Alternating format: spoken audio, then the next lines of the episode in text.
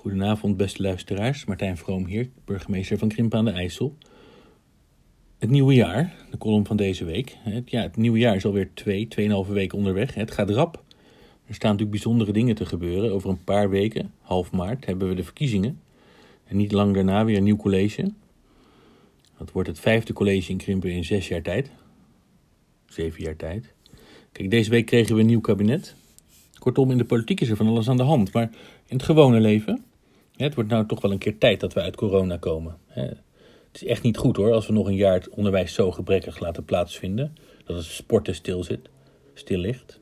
Het is echt niet goed dat ondernemers niet weten, weer niet weten waar ze aan toe zijn. En dat werkgevers hun personeel alleen van achter een schermpje zien. Dat kan echt niet langer zo doorgaan. Het aantal mensen dat meedoet met vaccineren groeit nauwelijks meer. Het aantal mensen denkt, dat denkt dat een stoeptegel anderhalve meter is, dat neemt weer toe.